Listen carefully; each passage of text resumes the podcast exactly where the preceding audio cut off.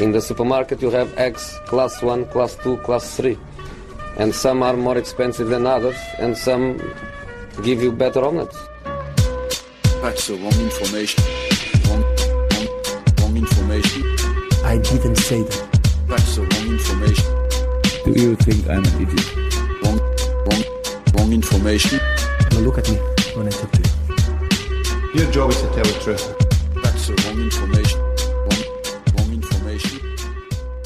Sillypodden är eh, tillbaka. Äntligen har vi passerat de här hemska jul och nyårshelgerna. Eh, Patrik Bränning och Frida Fagerlund sitter med mig här. Eh, Frida, jag ser du är tagen efter allt det här, all den här ledighet som du har haft de senaste dagarna. Jo, för jag har, ju, jag har ju verkligen varit ledig. Ja. Eh, Parapsyk som har varit det, har jag alltså inte noterat att det är folk som jobbar julhelgen på Sportbladet. Vem tror du det är som uppdaterar bara. Jag Ja. Vet ju hur det är att sitta här en julhelg alltså. Jag tror inte att det här är min första rodeo. Ehm, Ja, nej, den, den här, den här podcasttjänsten de uppfann för några år sedan, det, det är dags att styra upp den faktiskt. Eh, Men det är i alla fall skönt att det är över och att vi nu kan eh, fokusera på det viktiga nämligen att spela in podcasts om silly season. Eh, Så är det. Och vi får börja med eh, någonting som kom alldeles precis då som skrevs jag läser här direkt från calciomercato.com så ska Allegri ha adresserat den här Emre Can situationen som jag skrivit rätt mycket om i bloggen. Som jag skrivit rätt mycket om överallt. Han menar då på att eh, Juventus inte behöver Emre Can. Han uttrycker sig lite märkligt där om man ska eh, tro på de här eh, citaten. Det får man väl göra eftersom det är från en presskonferens som hölls Ja, väl idag. översättningen, det kanske har hänt någonting Det kan ha hänt så, någonting men- där. Eh, han har då skrivit I trust the club, eh, we have changed many players in the last few years, the squad is fit. Eh, då pratar han om Pjaka som då ska lånas ut som är på motsvarande position. He will be loaned out because he needs to play regular, on regular basis. Emre Can? Frågetecken. Alltså han har fått då frågan. Eh, I've asked nothing to the club. We have an important squad. It is important not to lower the quality of the team and remain focused on our targets. Det tolkar då Calcio Mercato som att han säger Juventus behöver inte Emre Can just nu i januari. Hur tolkar ni det? Ja men intressant så här lower the quality of the team. Och Mm. man får väl ändå för kanske tänka att det har hänt någonting i översättning från italienska till engelska där som kanske gjort att eh, vissa saker har förändrats. Men oavsett att han säger att han inte behöver honom nu är ju lite konstigt när de bevisligen vill värva honom i sommar. Alltså även om han känner att ja men just nu har vi inget skriande behov av honom så, så snackar han ju ner en spelare hans klubb bevisligen har på gång. Och det Ja. känns ju otroligt märkligt. Mm. Nej, här, här tror jag nog att eh, det har skett någon liten eh, En språkförbistring, är Ja. det det du eh, misstänker? Alltså så är det ju säkert. Fast Ja. det, det, det han borde sagt är ju bara säga, men Emre Can är, är en kvalitetsspelare men han tillhör en annan klubb så jag vill inte prata om Eller Emre Can är en jätteintressant spelare, vi får se hur, hur, om klubben kan lösa det. Man, man går ju inte ut och liksom säger att man inte, för så stor, stort översättningsfel kan ju inte ha skett att det, det har hamnat i att han inte är intresserad av honom just nu. Nej, alternativt att, de, att han för oss bakom ljuset med, med vilje. Ja, men det känns också konstigt. Var, vad är anledningen liksom? Det för att få, ner, få en bättre förhandlingsposition? Mm. Vi, men då kommer Emre Can kommer inte bli mer sugen på Juventus och liksom Han Nej, lär men- snarare vilja ha mer i lön om hans tränare uttalar sig negativt om Fast, honom eller fast om de har en dialog och Chan förstår att han säger det här på grund av andra anledningar och inte på grund av att han är, skulle vara dålig som spelare så kanske det är Vi har ju sett värre saker hända ändå. Ja just så är det. Där det klubbar känns- har gått ut och, och sagt märkliga grejer. Ja. Typ Thomas Lemar situationen då när eh, Arsenal påstod att de hade lagt en miljard på, ett, en miljards bud på honom under transferfönstrets sista, sista dag. Jag tror fortfarande att det var ganska mycket bullshit. ja det tror jag, men där hade de ju så tydligt skäl att visa att de ändå hade försökt och liksom fansen skulle Ja. lugna sig och sådär. Det här känns, vad är, vad är skälet här liksom? Det är svårt att se vad han ska vinna på det här. Nej, Allegri kanske ligger steget före oss. Ja. Han vet någonting som vi inte vet. Ja. Du insinuerar att han skulle vara smartare än vad vi är. Chockerande påståenden. Eh, ja, det, vi får, vi, det, som vi säger rätt ofta i den här podden, vi får ju se vad som händer. Ja, Men, eh, lite där vi eh, brukar landa i den här podden. Jag har en känsla, det är ju flera liksom angränsande historier till det här. Det var ju dels eh, Goretzka ryktena där Liverpool enligt ganska trovärdiga källor var intresserade och ställt frågor också då till sommaren men eventuellt nu då, det har pratats om Nabi Naby Keita som är klar till sommaren. Eh, det har ställts frågor om han eh, skulle kunna bli aktuell redan i januari. De har åkt ut Champions League. Han har väl själv sagt vid tillfälle att han vill lämna. Alltså man har tittat på möjliga ersättare till Emre Can och det kan komma in någon som man ändå har värvat eller kommer värva om man hoppas. Ehm, och komma in och ta den rollen redan nu och då kunna släppa Emre Can redan i januari och ändå få någon slant för honom istället för att låta honom gå gratis i sommar. Det är ändå en eh, finansiell verksamhet i första hand och en sportslig verksamhet i andra hand. Eh, Liverpool FC. Så är det ju. Samtidigt skulle Och för alla de andra klubbarna också. Samtidigt skulle de ju köpa Goretzka då nu. Nu ser det ju inte ut att bli England från dem överhuvudtaget utan Nej. han lär väl landa i Bayern München om man ska tro de tyska tidningarna. Mm. Det brukar man ju behöva göra.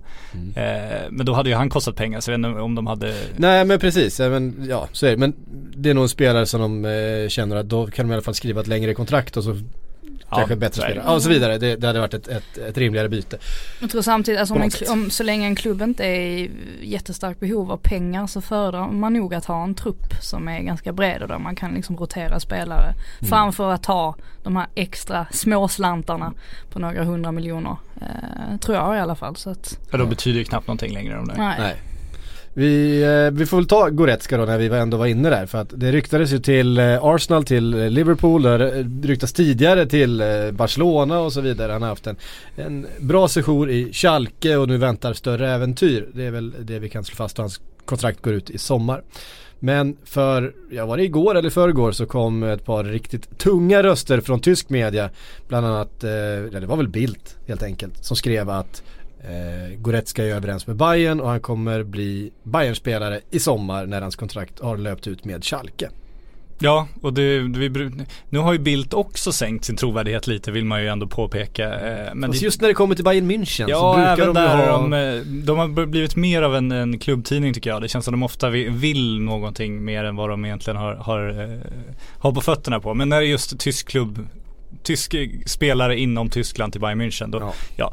man får väl lita på det här och det påstås ju att det finns den här kopplingen också att eh, Goretzkas pappa då är väldigt god vän med Bayern Münchens assisterande tränare och sånt här. Så det ska finnas sådana såna ingångar rakt in i familjen där som Det gjort att han ju väljer den Bayern tyska München. drömmen. Det är ju den tyska Ja, drömmen är att få det. lämna sitt lag för Bayern München.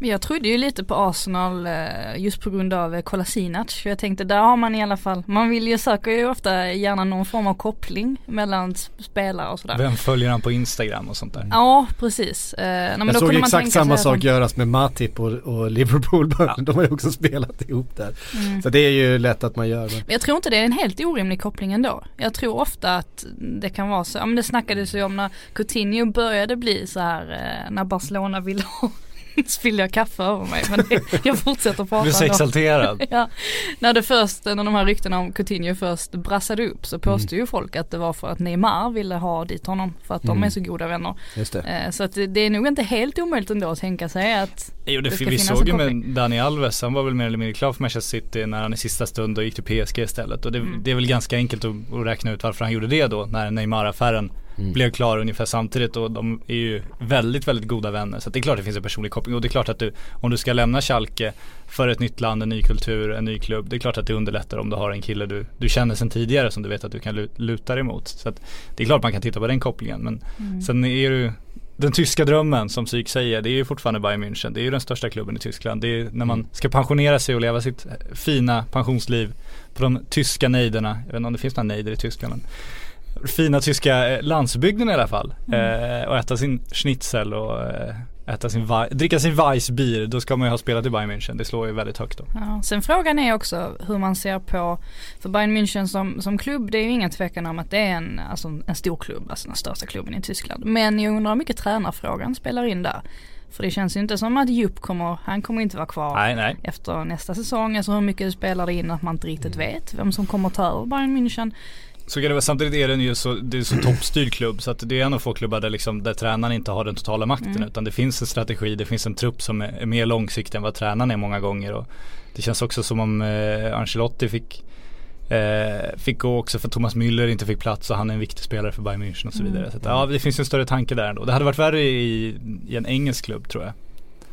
Där, där mer eller mindre allt styrs av tränaren vilket eh, diverse företags eh, har, ja förutom Chelsea, som styrs av ägaren eller kanske eh, hans marina eller kanske någon annan där bakom kulisserna. Det, bara för att vi pratar om det här nu så har eh, då eh, Goretzkas agent precis varit ute och förnekat att han ska ha bestämt sig redan och att han Sch- fortfarande Schalkes förhandlar. sportchef har också förnekat det här men eh, det känns väl också som att eh, varför skulle, det är inte så att de bekräftar något innan något är klart. Det vore ju mer sensationellt. Så att om agenten har råkat svara i telefon så måste han ju förneka. Det, det är väl så det är.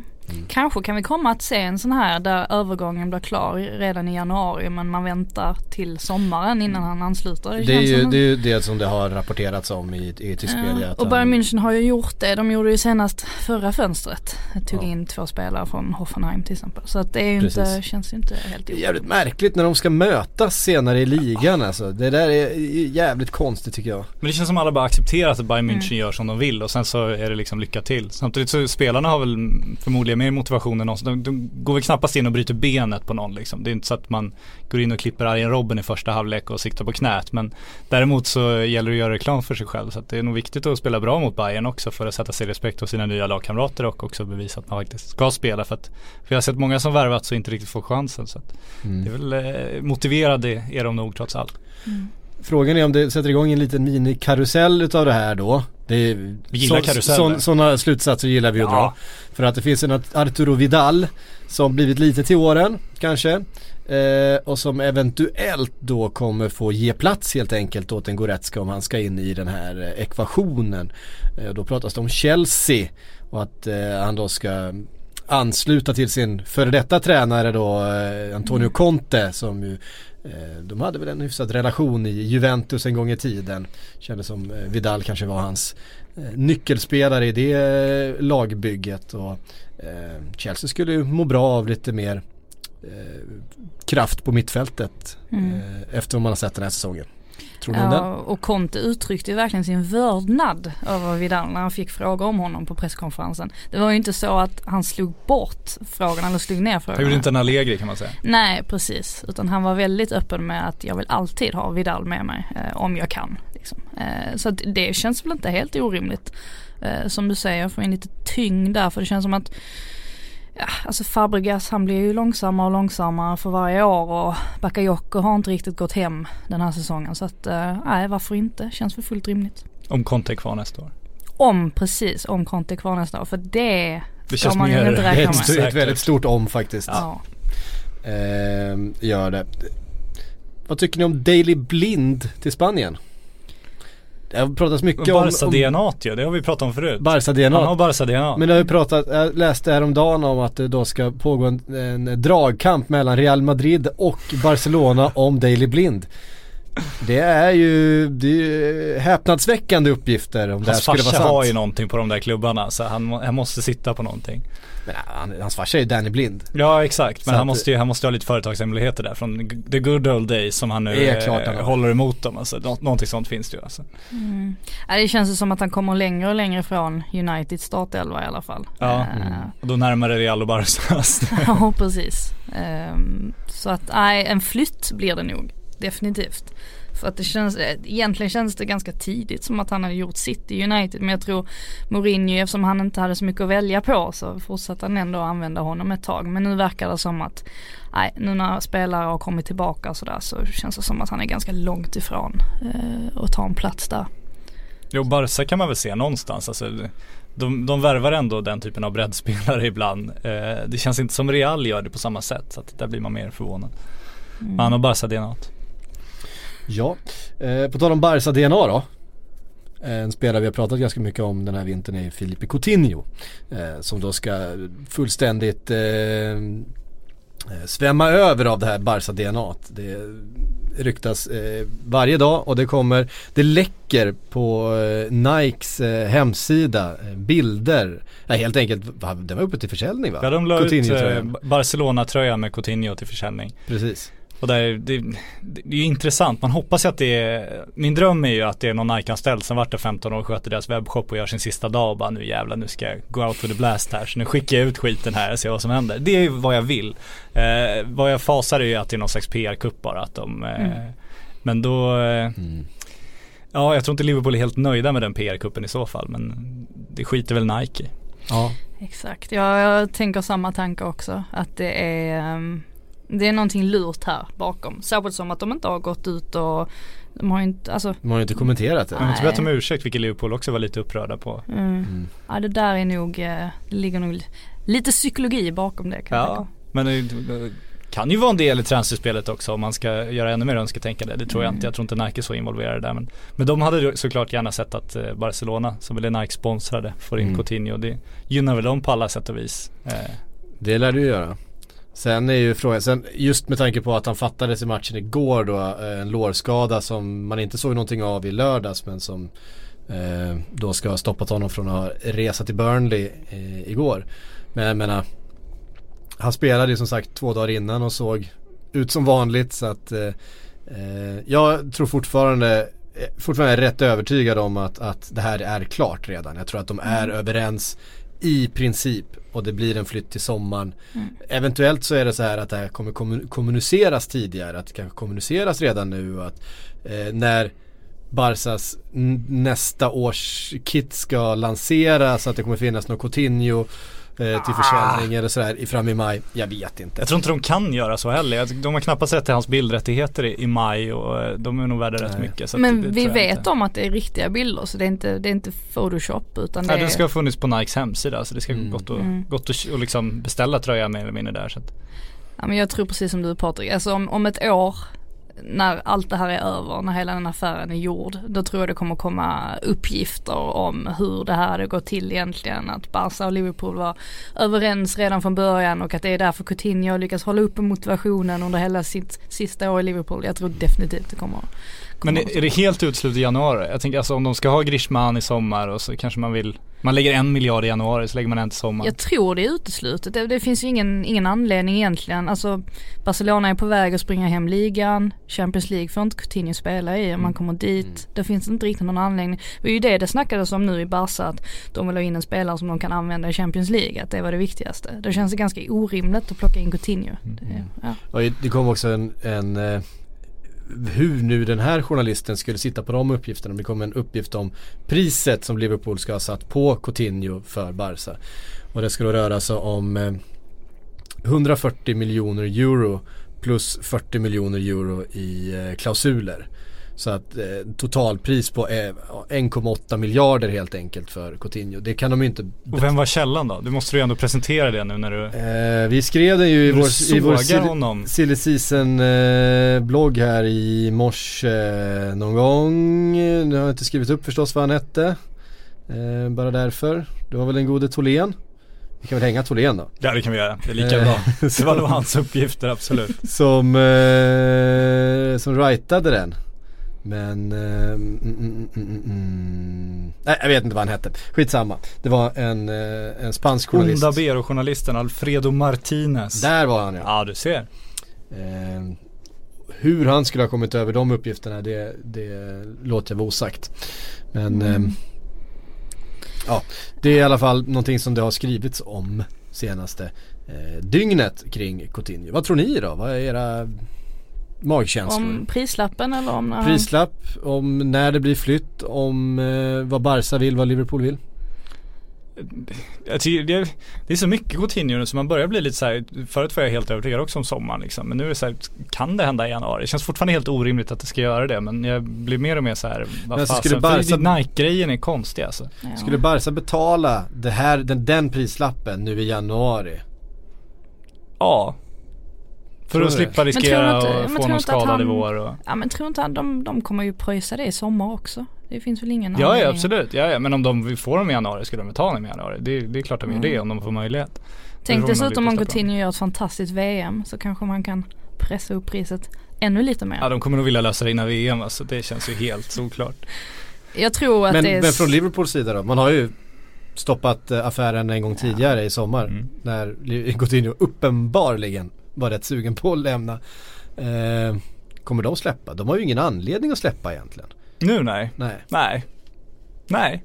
helt enkelt. Det är det som talar emot och plus att det, det skulle ses som ett litet Eh, kanske ett litet svaghetstecken också från Liverpools Ja, sida. Alltså att de alltså- själva känner det att om de släpper sin bästa spelare att det är bättre då att vänta till sommaren och sen så får det bli tack och adjö liksom eh, ordentligt och så går man vidare. Jag tror det är större chans att Barca plockar in typ en, jag snackar som han Nabil Fekir till exempel i Lyon. Just det. Och eh, den här som, jag kan inte uttala den här spelarens namn för att med min dialekt så blir det jättekonstigt men Ar- Artur Ja, från eh, Gremio. Han har ju också, också pratat om väldigt mycket. Så jag vet inte, jag tror det känns mer, eh, Artur. ja men jag kan ju inte, jag har ju för hårda R. Ja. Artur, får jag säga. Men det blir kul Artur. att se prislappen också för Mourinho sa ju redan i somras att han var glad att han löste Lukaku så tidigt för att redan un- under sommaren skenar ju priserna framförallt efter Neymar-affären och sådär. Mm. Nu blir det jätteintressant att se vart, dels vart de hamnat efter Neymar-affären. Vad kostar Coutinho idag liksom? Om han kostar en miljard i början av, av sommaren som var. Kostar han verkligen fort, fortfarande bara en miljard under sommaren som kommer efter Neymar och Mb- Mbappé och sådär. Och sen med VM också, eh, som ju brukar pressa upp priserna om de gör någonting väldigt bra där. Vart landar det efter VM? Vad, vad kostar en Coutinho då om han gör det väldigt bra? Det ska bli väldigt intressant att se. Ja det handlar väl någonstans i slutändan om, ja men alltså så länge har Liverpool ingen, inget behov av att sälja honom. Då kan ju de sitta och, och liksom pressa upp priset så mycket Så som det möjligt. känns det som de har gjort en deal med honom förra sommaren för att han Ja, det- ska det vara det- glad nu att vad ja. fan du får gå om ett år liksom. Ja, det är Ja, ju ja, så ja. det känns. Och kan ju inte gärna stoppa det igen. Jag tror också det är så här eftersom ehm, Patrik Syk ser lite uppgiven Ja, jag tänkte precis säga vilken tung suck det där. Ja, Nej, ja eh, det kanske det var. Men, men jag tror eftersom Liverpool också har då en princip mot eh, utköpsklausuler. De skriver inga utköpsklausuler i sina kontrakt. Eh, de har liksom tagit, eh, liksom en eller, av, av princip så gör de inte det. Annars så hade de ju skrivit ett nytt kontrakt med Coutinho som man gjorde med Suarez då. Där det var en liknande situation för några år sedan. Men nu vill man liksom undvika alla sådana här, eftersom Suarez då hade en klausul som Arsenal försökte eh, utnyttja men misslyckades. Eh, så då har man bestämt sig för att det ska inte finnas några fler klausuler i några kontrakt.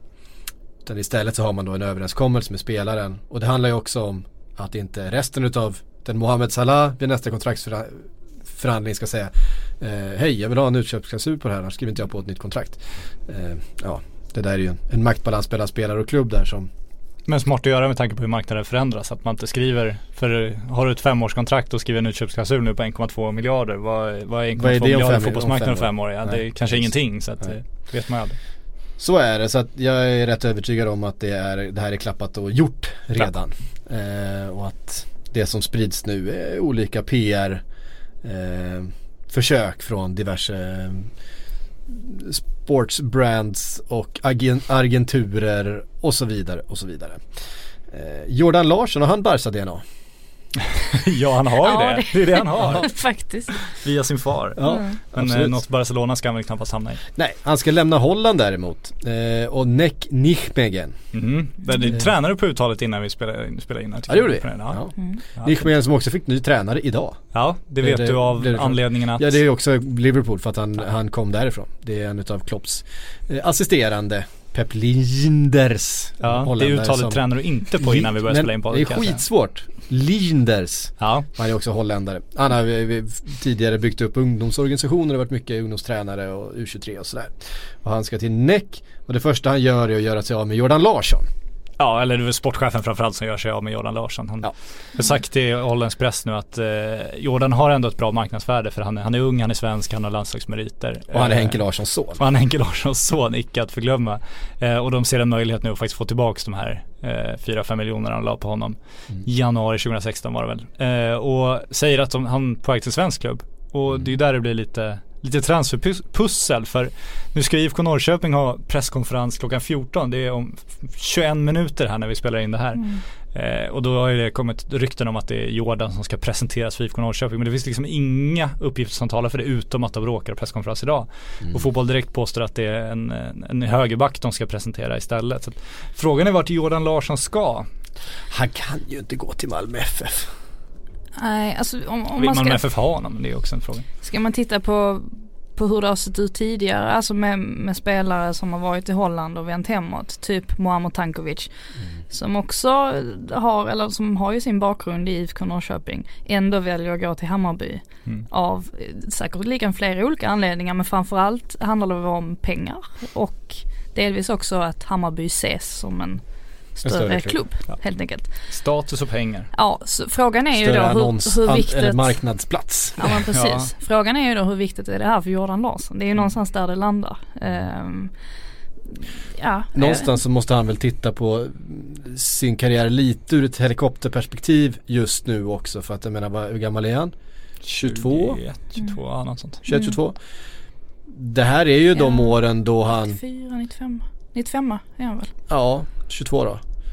Ehm, då han liksom ska försöka hitta någon långsiktig plan för vart hans karriär ska ta vägen. Och handlar det om att återvända hem till Sverige då gäller det att hitta ett projekt. 20 år igen. Det Han är född 97. Född 97. herregud. Ja. Ja. just det, han Eh. spelar ju U21 ju. Det borde Just man ju det, ha det tänkt bör man ju räkna ut det. ja. Ehm, så att det känns som rätt viktigt strategiskt just nu för honom vart han hamnar. Inte bara att liksom skriva det kanske mest lönsamma kontraktet just nu eller eh, försöka spela hem ett SM-guld eller något sånt där. Utan det handlar ju om att få ett kontrakt som ger honom möjligheter att utvecklas, kanske möjligheter att göra en ny flytt. För jag tror ju inte att han ser sitt tak som allsvenska. Jag tror ju fortfarande att hans, hans Ja. mål är Men det ska han göra också, han är 20, 20 år vet vi ju nu Ja. så det är klart han ska göra det och han har ju varit smart, alltså den här Hollandsflytten var ju planerad sen väldigt, väldigt länge. Det kändes som de var överens med Feyenoord redan för 10 år sedan om att det var dit Jordan skulle. Sen var han väl inte tillräckligt bra för dem och då eh, såg man att Nijmegen var en, en bättre möjlighet också. Även kontraktet med Helsingborg skrevs ju som att han bara skulle dra där när han drog. Han fick väl 50% av ögonsumman också så även ekonomiskt har han väl tänkt till. Eh, så att det, det är klart att han gjort det och jag tror också att han kommer vara smart när han gör sitt klubbval nu. Men det svåra är ju att placera vart han, vart han ska för det är så svårt att veta vad, vad hans nivå är. För att vi vet svenska anfallare som misslyckas i Holland, den, då har man inte jättehög status när man väl vänder tillbaka. Och 4-5 miljoner är kanske inte för Malmö FF men för, för många andra klubbar en ganska stadig summa som man väl ändå en bra investering absolut, Men om vi, ung om, men om vi ska bara spekulera då, vad finns det för klubbar som brukar göra den här typen av affärer med AIK? Det är lite Alltså, ju AIK nära till hans. AIK gjorde ju faktiskt två liknande, Ja. alltså f- förra, förra januari blev det ju. Eh, då tog man ju både in Kristoffer Olsson och eh, Simon Tern på lån dock. Mm. Men jag menar, där har man ju ändå det liksom spåret att man tog ja, in så, två. två unga spelare. Mm. Mm. Stockholmsklubbarna ligger IFK Göteborg. Ready to pop the question? The jewelers at BlueNile.com have got sparkle down to a science with beautiful lab grown diamonds worthy of your most brilliant moments. Their lab grown diamonds are independently graded and guaranteed identical to natural diamonds, and they're ready to ship to your door. Go to BlueNile.com and use promo code LISTEN to get $50 off your purchase of $500 or more. That's code LISTEN at BlueNile.com for $50 off. BlueNile.com code LISTEN. Ja de har ju väldigt ont om pengar just nu så att jag vet inte om de kan Nej, det- betala den summan. BK Häcken är ju kanske inte det bästa eh, liksom, eh, marknadsskyltfönstret sådär. eh, Ja, ja. Men, men det är ju en klubb som skulle ha råd med det men också Ja. som har en, en, en historia av att plocka in spelare som Precis. Och en Ja. attraktiv hem. tränare, alltså framförallt också Andreas Alm nu. Det, är ju, det spelar ju säkert också in man Så får vi se vad spelande sportchefen Andreas Granqvist ska göra med Helsingborg också. Det. Ja, det där tror jag inte på. Jag tror att det där, det där var en sån här julfestgrej. Typ någon journalist var ju på en julfest och Helsingborgs sportchef har råkat vara där. Han frågar någonting om Granqvist, Granqvist och han bara ja men det är väl klart att granen ska hem. Ja, men det, Typ. känns, det vore ju Det sensationellt att gå från, från Guldbollen vinnare ner liksom.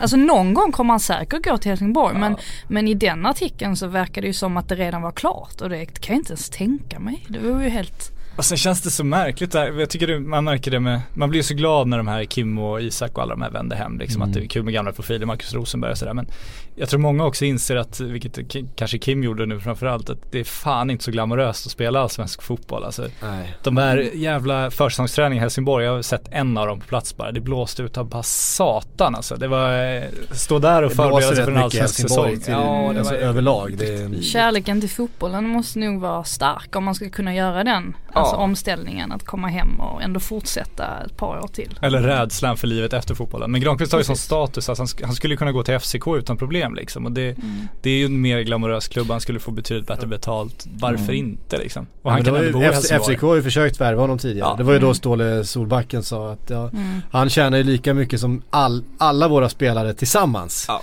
Så att det var svårt att genomföra den affären då. Men, Ja. Och vill men han näst, då, han förstår ju själv att han inte kan tjäna de pengarna nästa kontrakt Ja, han, han Ja. skriver. men vill han då vara, vara nära, alltså vara nära Helsingborg och sådär, då är ju FC Köpenhamn, nu är det jättebra. Då har man Ja, en, timmes väg. Liksom. Mer glamorös, bättre betalt, eh, högre liga än vad Helsingborg ligger i för tillfället. Ja. Eh, det känns ju konstigt att gå till Helsingborg. Då får man ju verkligen vara, älska den klubben och gör han det Ja. så mycket? Det gör han kanske all heder till honom om det är Ja, så. så fall, det, det finns för lite av det inom fotbollen. Vad Jordan Larsson för två juniorlag är listade på Wikipedia? Ge mig dem. Två juniorlag. Två, lugio- två juniorlag. Vadå två juniorer eller vad? Han har, han har tre seniorklubbar och två eh, juniorklubbar. Vadå Högaborg? Ja, och, Och Helsingborg. nej, och FC Barcelona. Jaha, Ah, han var där eh, Ah. som, som eh, den skulle man ju ha tagit. Ja, det var för enkelt taget. Ja, med det var det. Helsingborg. Med Barca Denat. Han har Barca Denat. han har verkligen bara Ja, ja. La Masia, en av många hyllade produkter. Ska vi se här vilka, han är född 97, är det någon av spelarna där nu då som han kanske spelade ihop med då som, eh, som barn? Nej det har inte kommit upp någon riktigt från den generationen. Bojan Kirker Eh, fortfarande 20 år va? Ja, alltså jag tror tänkte det. säga jag vågar liksom inte. Jag, är Jag tror att Bojan så är, är, Stannar är när, 20, va? närmare, närmare Henke än Jordan i Nej, ålder. nej. nej det är han inte. Bojan Kirker är alltid 20 år. Nej han är väl 30 nu Nej, Bojan? 20 år. Eh, jag, jag gissar på 27. Ja, 27 tror jag han är. Nej, 20 år. Jag trodde kanske att Delufé var, men han var, han var för gammal. För, Ja det är väl typ 22 nu Ja. något. det Mm. var. Men eh, från Jordan Larsson då, det verkar bli allsvenskan men eh, annars är det ju rätt poppis att dra till USA. Ja vad är det här? Jag, Nu har jag kuppat in den här punkten för att jag är li, lite irriterad är. Oj. Ja men jag tycker ändå så här, jag förstår mycket Stare liksom. Det är, det är svårt som svensk tränare att, att få ett utlandskontrakt och ett utlandsjobb och någonting Liksom en, en väg ut från allsvenskan. Det har vi sett hur många gånger som helst. Men när du liksom som Magnus Eriksson ändå är med i skytteligatoppen, är 27 år, då har du ändå några riktigt bra år kvar. Du är, Mm. du är liksom inte lastgammal på något sätt. Det är nu du ska skriva ditt, ditt kontrakt så att säga. Han har gjort en bra säsong, gjort bra reklam för sig själv. Och så drar han till MLS så jag är så svårt att se att han skulle bli någon liksom designated player. Jag har svårt att se att han kommer få någon jättelön. Jag tror att han kommer hamna under det vanliga lönetaket och då är det liksom allsvenska löner med lite extra krydda. Det är ju inte högre där borta. Nej. Så han ska spela MLS för liksom en, en allsvensk pluslön. Men, men är inte han ute efter äventyret? Är inte han sån? Ja, men han var ju i. Kina en sväng och Vad är den sportsliga ambitionen? Vill Ja. man inte testa sina liksom hur bra man kan bli på fotboll? Inte det hela karriären handlar om. Men Så kan man ju äventyret efteråt liksom. Alltså, han har inte sprungit runt med den där frisyren så länge för att liksom eh, Jag vet inte men det känns som Nej. att han, han, han eh, vill bara testa saker. Han vill, Ja han men, vill, lite, jo, men det tror jag också. Men Ja. MLS, eh, jag fattar att han drog till kul. Kina på något sätt. Jag tyckte det var tragiskt också eftersom han, då var han ännu mer i sin, sin rätta ålder och hade ändå möjlighet att göra liksom en, en riktigt bra Där sportslig fick han ju bra pengar å andra sidan. Jo absolut, men han gav också bort några år och var tvungen att komma tillbaka och starta om liksom. Ja men någonstans så handlar det väl om, alltså vad, vad är fotbollen för en själv? Alltså rent, rent personligt, vad, vad vill man få ut av sin fotboll? Mm. Alltså, just i MLS har man ju ett jättebra exempel i Giovinco.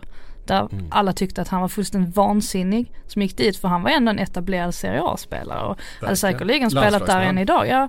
Och ändå väljer han att gå till Toronto dessutom. Det är ju inte ens, det är ju inte ens Los Angeles eller New York. Och utan sa det är väl it's great to be in the United States när han landade. Ja, men jag läste Som alla som landar i Toronto. Defoe gjorde ju det på Ja. första presskonferensen. Precis. Stark, jag har alltid eh, drömt om att spela i USA. så skrev han om det här själv i den här Players Tribute som eh, Ja. är för övrigt en fantastisk sida. Ja. Det är jättebra. De har lite resurser där. Ja. Sports Illustrated va? Exakt. Och, och, och, och så som det verkade på honom så Alltså för honom var det inte viktigast att eh, komma till eh, landslaget eller att bli en eh, jätteikon i Juventus eller utan han vill liksom spela fotboll för att det är kul och Mm.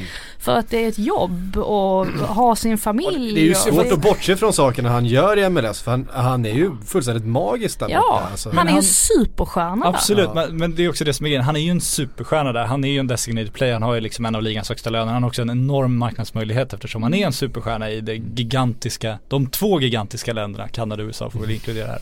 Precis. Eh, Magnus Eriksson, oavsett hur häftig hans frisyr blir så kommer han ju inte liksom nå den nivån. Men tänk att, bo i, tänk att bo i, i USA, alltså Ja, bara, det är en dröm för många, karriären? bara det. Ja men vad, Vi- vad vi- ska jag han vet göra inte vilken- där jag- jag- Karriär. Ja, vilken- men vad ska han göra klubb det är han i är USA Vilken klubb är det han, han eh, har gått till? San Jose Earthquakes. Ja, det är inte, han är ju inte presenterad än men, men han ska ju dit. Där är det ju ganska nice att bo också. Jag menar det är en sak, alltså Erik Fan vad ambitionslösa ni är, alltså det här är ganska nice att bo Men det beror drog, ju till Seattle Det beror liksom. på Det är vad man har för fan. ambitioner. Vad vill Ja, han bli? Vill, absolut. vill han bli en, en, eh, en jätteallsvensk profil? Ja men absolut. Han stannat kvar i Djurgården så hade han ju blivit det. Men han är ju redan det på något sätt. Ja men han där ju är han redan klar, det fattar jag profil. Verkligen. Men jag Precis. känner ju att Var han ska gjort han ett bra, gå? ja, men, Till en Ska- series B-klubb liksom. Ska han till försvinna liksom? Zweite Någon Bundesliga. möjlighet att gå till... Drömmen om Bundesliga upp blir liksom testa sig mot, mot den absoluta världseliten inom fotbollen. Nej, Sitta på bänken i Championship. Ja men Eh, precis. Alltså det- här har han chansen. Går han till eh, MLS, han tjänar bra. Han, Han får tjänar testa inte så på, bra. Han får testa Illusion. på att bo i USA. Han, ja men ja, hur göttet som helst. Ja, nej, jag är besviken. Ja ja. Eh, nej men som sagt och eh, Micke Stare har vi också konstaterat. Men Han vill man ju ja, med. Har vi, har vi några fler svenskar där borta nu? Det är inte så... Gustav Jo, Svensson. Anton Tinnerholm är ju också klar. Just det. Just det. Ja, MLS-undret. Han, är, han kan ju bli ännu mer irriterad Ja på. okej okej där, där kan jag ändå hålla med till viss del. För att jag, ty- Han är han, ju yngre dessutom. det mest anmärkningsvärda var ju också att han ville öka chanserna att komma till landslaget, Ja. alltså komma med i Ja. landslaget genom att flytta dit. Och där kan jag väl inte riktigt hålla med honom kanske. Om att det skulle öka Han hans får ju, chanser. enda han kommer få göra är om han mot all förmodan blir uttagen till landslaget liksom knapra sömnpiller på, på flighten över varenda gång för att komma i rätt det, dygnsrytm. och det kändes liksom som att Gustav Svensson var med ett undantag, eh, att han kom med. Ehm, men visst, han har ju varit nära, nära förr ju, Anton Tinnerholm och han har ju varit med i landslaget också så det är väl inte helt orimligt att han kommer komma med igen men att det skulle öka hans chanser att gå till MLS känns ju man ska gå till MLS liksom när man är, när man är chippen och får chansen att spela med Beckham ett år i slutet av sin karriär. Då köper jag MLS liksom. Men fan Bara inte nu, då. Alltså. Bara då. mm. Eller om man är Fredrik Ljungberg och går Ja. till Seattle Sounders och de liksom ska göra honom till Ja men exakt, han var ju sin, också sin klar liksom. reklampelare liksom. Eller Gustav Svensson där karriären liksom gått i stå verkligen. Det, det, det fattar jag också. Jag menar det här är väl jämförbart. Men eh, vi nämnde ju eh, Erik Friberg till exempel som också gick till Seattle Sounders. Ungefär i samma läge som eh, Magnus Eriksson. En bra allsvensk spelare.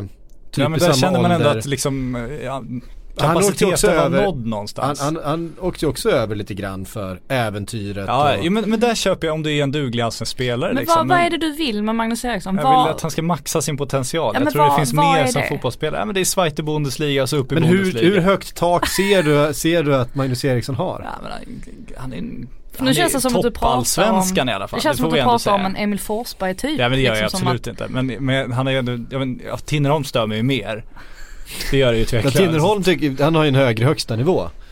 Eh, än Magnus Eriksson, det skulle jag nog är jag påstå. svårt att, det är svårt att jämföra de två också tycker jag på något Ja. sätt. Men eh, det är väl klart att Anton Tinnerholm är ju kanske närmare en landslagsplats än vad Mm. Magnus Eriksson är. Men det är ju för att det rimligtvis Fast det är tuff konkurrens alltså på ytterbackspositionerna Ja, ja, han är inte så jävla i nära längre heller. Nej. Nej. Ja nej men åk till USA då. Ja. Ha det så jävla roligt. Dybala till United. Ja. Eh, jag var Alltså fan vad du tar in Dybala i ett varje podd liksom. Tvärkast. Ja men det har skrivits mycket om, eh, om just eh, Dybala och United under helgen. Ehm, förra veckan så pratade vi lite grann om att eh, det skulle vara PSG som har påverkat honom. Det som har gjort att han har inte eh, haft huvudet riktigt på rätt ställe under den här hösten. De uppgifterna har väl slagits ner ganska, ganska kraftfullt. Men nu är det Manchester United som eh, ju är på jakt efter mer som offensiv, offensiv kraft. Tror och, Mourinho var väl lite sådär också när han, han sa väl lite mystiskt, han säger alltid mystiska grejer. Men han sa väl att Manchester United i alla fall kommer göra en jättevärvning mm. under 2018. Mm. Så då kan man ju tänka sig att det kanske blir någon. modigt sagt. Ja, men alltså det- har ju, eftersom man alltid har snackat om Antoine Griezmann och det verkar som Mm. att Barcelona kommer rycka honom nu. Så känns det ju faktiskt som att Dybala är fullt möjligt. Ja, ja, med tanke på att Juventus inte, det känns inte som ett framtidsprojekt längre. De har ju både målvakt och backlinje en hel del att göra inför framtiden och det såg inte, har inte sett jättebra ut i år på något sätt. Så eh, han bör ju kunna vara flyttbar då, absolut. Men då är frågan om, ja, ja, ja vi får se. Barcelona är ju fullt och Real skulle ju också må bra av och kanske Mm. föryngra lite i, i ledet bakom Benzema och i ledet där Benzema står själv kanske också. Eh, så ja. Mm. ja, det blir intressant om- om han skulle komma ut på marknaden. Det är klart ju United kommer väl hugga då men har de, har de, kan de stå mot Real? Det är ju frågan alltså. Ja. Vi, Får eh, buda bort dem, vilket de förmodligen kan göra nu för tiden. Mm. Det kan de nog göra. Mm. Ehm, vi har också fått, eh, det är en del tränare som, det, alltså de, det är ju mycket presskonferenser nu och alla tränarna får ju de här frågorna om spelare och huruvida det ska handlas och, eh, och sådär. Och de svarar ju aldrig på någonting. Men till och med den gode Arsene Wenger var ju ute här och bekräftade att ja, vi är på marknaden för att värva nya spelare. Oj oj oj. Och jag menar om Wenger säger så, då är de ju långt i sin, eh, i sin jakt på nya spelare. Då jävlar, då har han eh, lättat på plånboken redan nästan känns det som. Frågan är ju vad som eh, ska in där, det har pratats om. Alltså de måste ju in, ha in ersättare för Alexis Sanchez på sikt. Men där- pratar han om där- januari nu specifikt eller liksom, är det hela 2018 han har omfamnat här? De, de eh, han uttryckte sig bara så som att de är på marknaden Ja, och tittar ja. på spelare. Ehm, Det, Det var inte det är mer. ju hela, Alltså, hela tiden. Ja men för att vara han. Han brukar ju mer säga att nej vi får se om det händer någonting. ja, ja. Vi är inte så här. Vi, möjlighet och- vi koncentrerar oss på de spelarna vi har. Ehm, Det, det är ju mest intressant att se nu, kommer han liksom köpa in en spelare som de verkligen behöver eller kommer han liksom fylla utrymmen kommande efter Özil och Sanchez?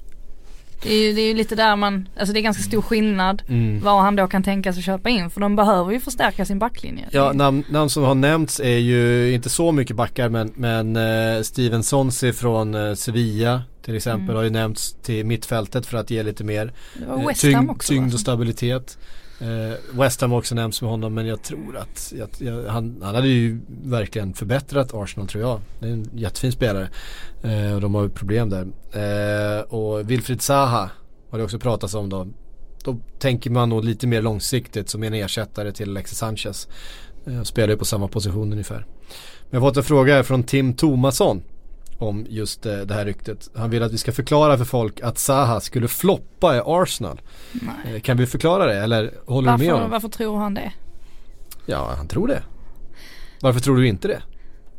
Alltså jag, jag, kan, jag kan ju tänka mig att många tror det bara för att han fick en sån misslyckad sejour i, i United. Men jag tror snarare att det har gjort honom starkare. Både psykiskt och, och säkerligen utvecklat honom som spelare också. Ehm, jag tror att nästa gång han gör en flytt så kommer han förhoppningsvis får jag säga eh, inte floppa på det sättet utan eh, kan leverera på samma sätt som han har gjort nu i Palace under hösten. Han har ju sett helt, helt fantastisk ut. Och satan vad Kyle Walker fick jobba mot honom i, eh, nu när de mötte City häromdagen också. Ja och om han nu skulle ersätta Alexis Sanchez så kommer han ju få liksom både förtroende och tillräckligt mycket bollar för att faktiskt göra någonting vettigt av det. Så att det då finns det väl också alla möjligheter, det tror jag med. Mm. Sen är han ju inte Alexis Sanchez riktigt, det kan man väl vara tydlig med. Nej det är ju en otacksam roll att, att fylla Mm. givetvis. Ja. Eh, såklart. Eh, de växer ju inte på trän. Nej. De spelarna, så är det ju. Ehm, men han är ju en- en annan slags spelare. Han har ju saker som, han kan ju göra saker som eh, Alexis Sanchez inte kan. Ja. Skulle jag säga. Han är ju, Ja. han är han är en, eh, en annan typ av djupledsspelare. Um, Marcus Sundell undrar hur länge kan Tottenham behålla Harry Kane eh, om de inte börjar vinna titlar snart? Det vet nog bara. Harry Kane skulle jag säga. Ja, Ja. tycker han är svår och han är svår att läsa av också. Det känns som att eh, tittar man på Ali till exempel så har jag i alla fall fått känslan av att han mycket väl kan lämna eh, till sommaren. Alltså jag vet inte, han ge, avger de vibbarna. Medan Harry Kane framstår så mycket mer klubblojal. Vilket gör att det blir svårt att försöka förstå när han kommer Dele Alli är ju heller ingen Tottenham-produkt som, som Harry Kane är. Nej men det känns inte som det- han har samma eh, äh, Sen samma känns han inte som den där som snubben som skulle vara lojal. Han känns som, han känns i grunden som en rätt stökig figur ju, Dele Alli. Ja och Eh. Kane, jag håller verkligen med. Kane känns inte så prestigedriven heller liksom. Alltså han har inte klivit in i det här fotbollsstjärnefacket. Han för sig inte på samma sätt som, som de gör. Han, eh, han lägger inte upp den, den, typen av bilder från den typen av liv. Jag får i alla fall illusionen av att han lever ett, ett lite annorlunda liv än vad en, liksom en Raheem Sterling eller en Dele Alli eller en, den typen av engelska fotbollsstjärnor gör. Sen tror jag han gillar att vara stjärna i Tottenham också. Ja, kanske. Jag får lite känslan av att han tycker, han är ju ändå så här i, intervjuer och sånt. Jag vet det var någon reporter som sa tidigare i höst, ja men nu har du gjort 12 mål och så rättade Kane honom, nej men 13 var det faktiskt. alltså han känns ju ändå som en sån som tycker att det är ganska viktigt att eh, den typen av grejer ska bli rätt. Men jag tror ju att det är inte helt för skam att vara en stor stjärna i Tottenham. Nej. Nej, nej Det är ju tror, hans klubb. Mm. Alltså han, han har ju verkligen chansen att bli en Totti här eller en Steven Gerrard liksom. Att vara den största stjärnan i klubben i liksom ja, Mm. en hel karriär. Alltså, Det hänger nog mycket på han själv. Alltså vad, Ja. vad vill han? men frågan är om Tottenham då inte lyckas ta det här klivet och kanske hänga med Manchester City eller Manchester United eller Chelsea. Alltså vem det nu är som, som ska hänga med Manchester City här och kunna utmana Europa och så vidare. Ehm, kommer han nöja sig med det tror ni? Det beror ju på vad som driver honom. Han kanske vill åka till USA och leva ett gött liv. Alltså man vet ju aldrig liksom. Det vet aldrig med killar längre. Det är så Du kan inte jämföra. Harry Kane och Magnus Eriksson. Det är den sjukaste. Tinneral. Det finns faktiskt inga som helst jämförelser att göra det. Nej, jag skojade. Men man vill ju tro att, eh, att han ska säga nej till ett Manchester United eller ett Chelsea eller ett Manchester City för att det liksom han in- inte tycker att det, det kanske, titeln kanske inte, en, en Premier League-titel kanske inte är värd mer än, än den, den status han har i Tottenham. Det som känns som man ändå skulle kunna göra är ju när, när Real kommer ringa, Precis. då tror jag ändå att han kommer liksom Mm. ta den dealen. Det, det känns verkligen så. För det, den vägen är också, det är ju någonstans, om vi pratar om den tyska drömmen att spela i Bayern München så är ju den, den engelska drömmen, eller den brittiska drömmen, känns ju verkligen som att lira i Real. Det är liksom vi ska väl inte kasta in Michael Owen och Steve McManaman där men Beckham, Bale, alltså det, det är ju den vägen man går. Eh, och det känns min gissning är att han skulle, för då kan han ändå behålla sin status i Tottenham. Han kommer inte svika den klubben om han går till Real. Det, det, det kommer man undan med. Det känns som den flytten hade han nog ändå gjort. Problemet är bara om man vill tillbaka sen om några år. Ja, Alltså då, då blir det lite svårare. Det ser man ju på Bale nu till exempel. Alltså nu, nu blir det ju troligtvis en klubb som United. Ja. Nästa för honom. Just för att det är inte så många klubbar som har råd att, att köpa loss honom därifrån. nej så är det. Då får man ju spela ut kontraktet eller, Mm. eller göra en Beckham och dra till USA sen av kanske andra skäl än att det är gött bara. Men, eh, Ja. Men jag tror Real känns ju, och det känns, de ska ju byta anfallare snart. De måste ju Mm. göra det. Och eh, Harry Kane är ju på väg att få den statusen nu att han är den som kommer vara till salu då också. Han borde ju ha det vid det här laget tycker man. Alltså Mm. så mycket mål som han har gjort Ja. och så.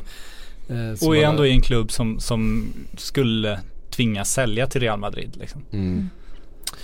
Ehm, vi har fått fråga från, eh, ja det är många som undrar faktiskt, det behöver inte nämna någon för det är många som har ställt samma sak nu när Manchester City har åkt på lite skador. Gabriel Jesus och eh, Kevin De Bruyne bars båda ut på bår eh, nu under helgen. Nu verkar det som att De Bruyne kommer komma tillbaks ganska snart. Det var ingen skada direkt utan det var mer en smäll.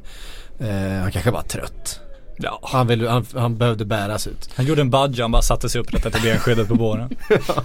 Eh, men Gabriel Jesus eh, och med enda alternativet så eh, eh, Sergio Aguero går ju inte att lita på eh, att han håller sig hel direkt.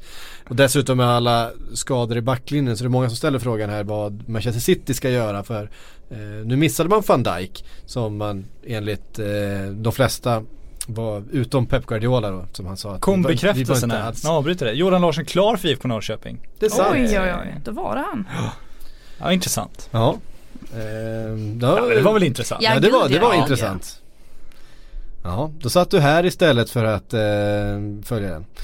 Nej, men jag följer den tillsammans med dig och Frida, vilket, vilket bättre sällskap kan man önska sig. Men vem, vem, vem blir mittbacken som sitter riktar in sig på nu? För att, eh, jag menar Company Johnny Evans har jag sagt eller?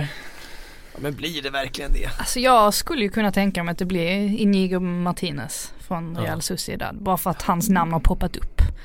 Eh, annars är Det det, är en väl bra anledning. Det är alltid Johnny Evans alltså. Ja. Det återkommer. Jag älskar att han är het, det är så jävla Ja, precis. roligt.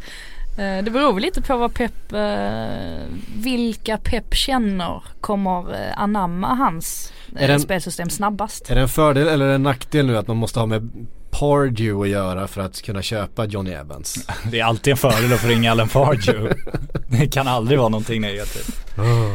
Nej men, men jag tycker också det känns ju om man tidigare tänkte att City liksom skulle ha si- sitt fjärde val som mittback, vem kan de värva som reserv? Hur ska de kunna övertala den spelaren? Så känns det nu som det är ju ganska öppet om vem som ska vara liksom deras ledande mittbackar in i framtiden.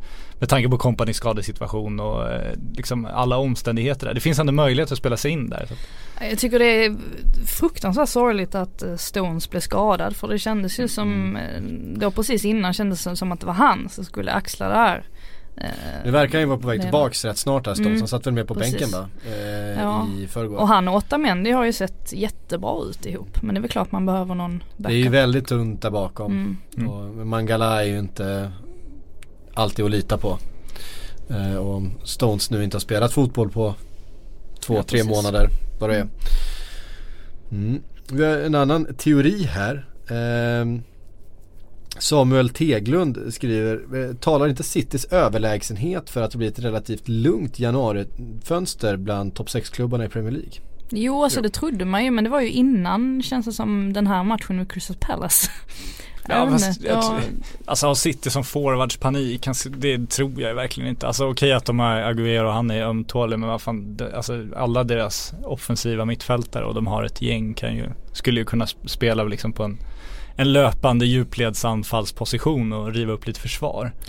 Jag jo. tror inte att du behöver gå ut och leta en anfallare för vad får du för anfallarklass i januari? Det är ju helt omöjligt. Nej absolut men jag tror man har bara bilden av Pep som väldigt eh, alltså att han, Köpsugen. Ja alltså men, men också att han nästan alltid har en plan på Ja, något sätt. ja. Så att man tänker sig att det nog finns en plan för januari. Eh, Färdig och klar. Sen om det betyder att det kommer in en massa spelare det vet man ju inte men att han ändå liksom har på Ja. något sätt lagt upp någon form av eh, Det, men det tror jag också, men det, då är det väl en försvarare i första hand. Det känns ju verkligen så. Och sen är de nog rätt klara och sen Mm. när de är så överlägsna som du säger då kommer ju inte Det är ingen klubb bakom som kommer förköpa sig på det sättet tror jag. Det är väldigt jämnt att Champions League-platserna. De är ju rätt viktiga minst sagt men det där att köpa sig till titeln går ju inte nu. Det går inte att kapprusta på det sättet. Det känns som de flesta också inser att City är så bra så att du måste ha lite Lite långsiktiga visioner nu och fundera på vad du ska göra i sommar för att Mm. överhuvudtaget närma dig. Mm. Ehm, Men det räcker med en så är karusellen igång. Det vet vi. Precis och en eh, karusell som vi har fått en fråga här eh, kring eh, eh, Napolis ytterback eh, Golam. Det ryktas nämligen att eh, Benficas Alex Grimaldo eh, ska vara klar för Napoli och eh, då handlar det då om att Golam ska till någon annan och då har det ryktats om Manchester City men det har också ryktats om Manchester United. Vad tror ni om eh, den vänsterbacken? i Napoli. Det är ju, Alltså alltså, det- rent spontant så har man, det har väl snackats hela hösten om att United är i behov av Mm. en vänsterback. Men det var ju lite innan Luke Shaw kom tillbaka. Nu har han ändå fått spela lite och har ju är sett inte det i brist på, på annat mest som man får spela? Jo fast sen samtidigt så någonstans så var ju han ändå framtiden för inte så länge sedan. Och sen Mm. har han inte riktigt, ja så har han varit skadad och så har han inte riktigt fått chansen. Och Mourinho har ju rent ut sagt verkat ogilla honom alltså personligen. Ja. Eh, och så nu har han fått spela lite och ändå Han har inte haft det lätt i United alltså för att eh, Nej det, det kan man lugnt säga. han har nästan blivit mobbad vilken tränare än som har varit där liksom. Van Gaal det var ju också ute och kallade honom fel för på tjock honom. Ja och... men han kan ju inte träna ordentligt. Någonting. Alltså inte för att han är tjock utan för att alla tränare hatar honom. Det måste ju bero på att han gör någonting. Han kan ju inte Nej, vara det känns 100% konstigt. professionell där. Det är, någonting Eh, fel är det ju. Eh, och sen har väl, alltså Young eh, har ju faktiskt gjort det med bravur får man säga. eh, där också. Men det skulle väl i så fall vara United. Antagligen som man kan tänka sig att Ja. Sen är det väl tacksamma klubbnamn det där att kasta ut när man känner att man är i en situation där man kanske behöver hitta en ny klubb. Mm. Få igång snacket. mm, City och United. ja exakt. Lika bra att ta båda med en gång. Jag ska säga, vi ska tacka An- eh, Anton Edman som mejlade mig om den här eh, karusellen eh, som eh, fråga. Det kan man också göra. Det går bra att skriva på alla sätt man kan ta sig för för att höra av sig till frågor. Röksignaler håller Patrik på att eh, öva upp sig i nu så att vill ni skicka röksignaler i framtiden så, så ska han kunna fånga upp dem. Så kan man också åka ut till Skogås är det, och rista in sin fråga i eh, Patrik min Syks altan. trätall. Det, trall, det är faktiskt, det är nästan att föredra skulle jag säga. Lämnar man också ett eh, litet minne. Ja, det är trevligt. Ehm, mm, vi har fått fler frågor förstås, jäkla massa frågor. Uh, Bear uh, Hellstream, som vi väl tror heter Björn Hellström egentligen. Det är väl en gissning. Stark gissning. Ehm, Har lagt fram detta önskemål tidigare men försöker igen. Skulle vara intressant om ni kunde köra en topp 5-lista över de mäktigaste klubbarna i sillivärlden. Min uppfattning är att det inte är likhetstecken mellan mest pengar och mäktigast. Vore kul att höra er tanke. Alltså de som är mäktigast eh, i silvervärlden, alltså det ju, finns ju en, en tydlig koppling mellan pengar och makt i den här Ja, världen. men det beror på vad Ja, du ska på- göra liksom. Ska du värva Neymar då måste du ha, då måste du ha mest pengar. Men ska Mm.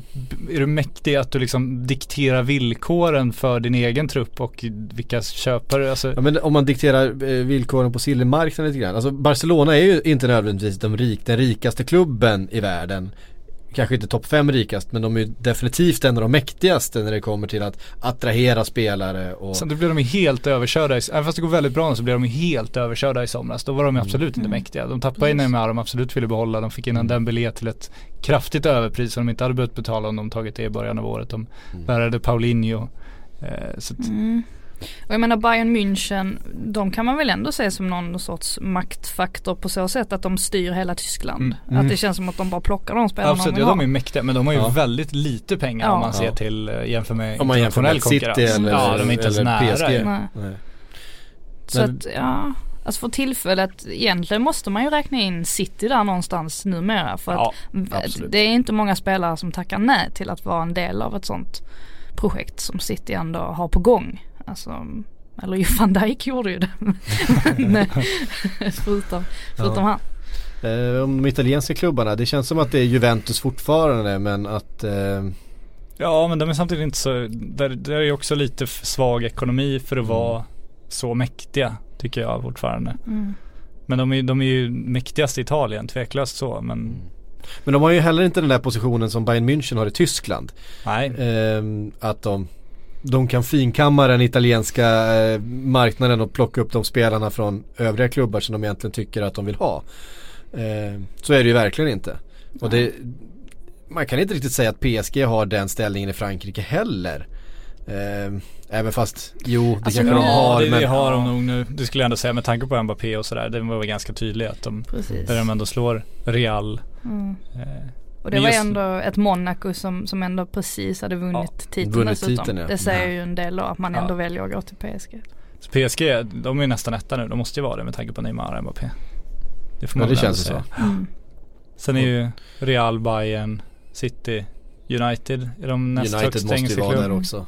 Plus att Det någonstans så tror jag största eh, Fast det är alltså, världens största fotbollsklubb. Det där undrar jag, vad, vad Ja men rent fan ekonomiskt, baserar nej, de det nej på, alltså de hade ju världens, världens eh, högsta intäkter. Ja, Det var, de gick ju om. det, det provocerar med det där världens största fotbollsklubb. Jag tycker det, det är ett så otroligt luddigt begrepp. Vad är en fotbollsklubb då? Det, det, Mm. det är ett företag då, största intäkter eller liksom är det, vad är, vad är det?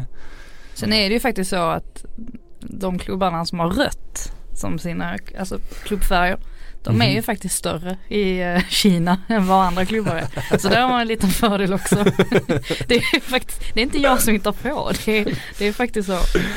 Otroligt stark spaning. De, eh, ja men de eh, kineser föredrar att hålla på, eh, på lag som har rött än Ja. blått. För att rött står ju för mer positiva grejer Mm, Just det, just det. än, än blått ja. Det är ju därför de ville, vem, vem fan var det Cardiff? Cardiff ja. Men han är inte Ja, kines ja. va? Han- Är inte Ja, han, Vincent Tan. Vincent Tan. Det kan möjligtvis vara så att det här gäller hela Asien. Men han Jag- verkar ju- det var en väldigt bred pensel. nej men vad fan, vi- Kina lite, nej vad fan hela Asien. Hela Asien. Ja men det var Hela Asien. Halva Ja, jordens befolkning. Ja men det är bra. Ehm, Man blir också väldigt hungrig av färgerna rött och gult kan jag avslöja.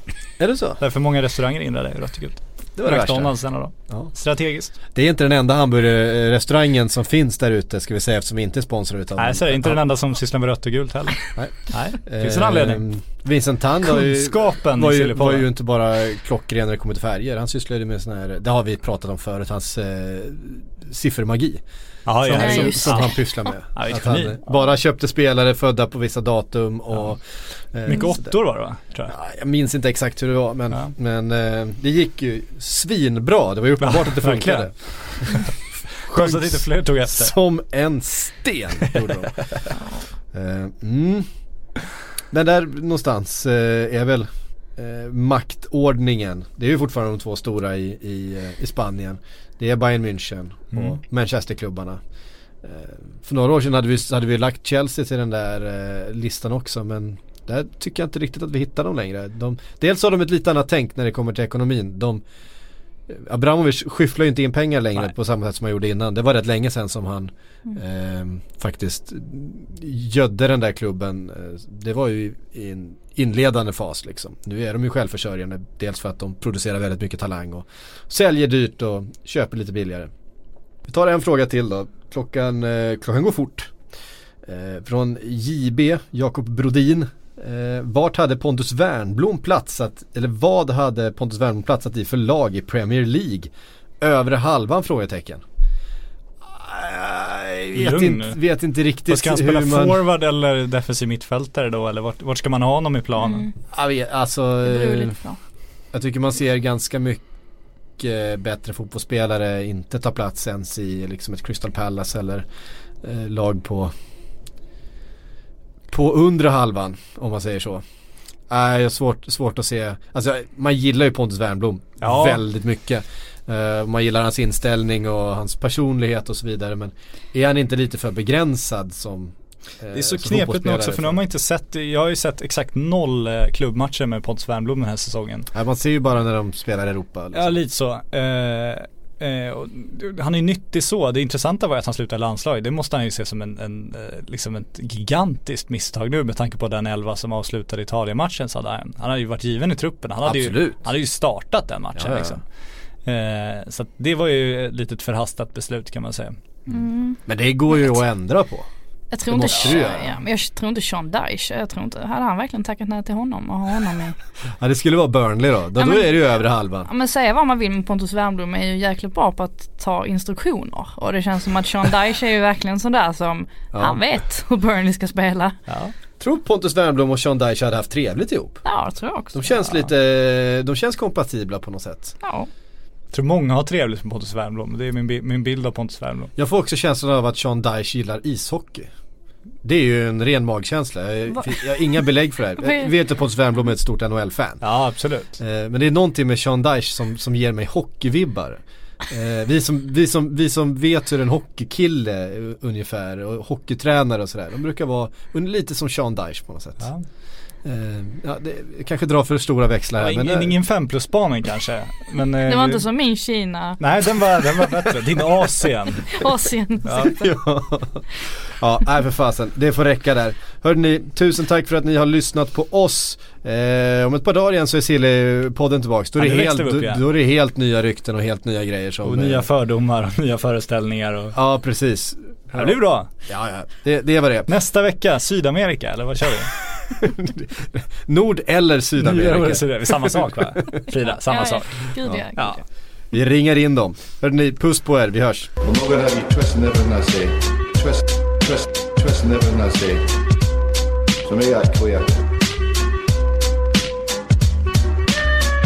No eggs, no omelets.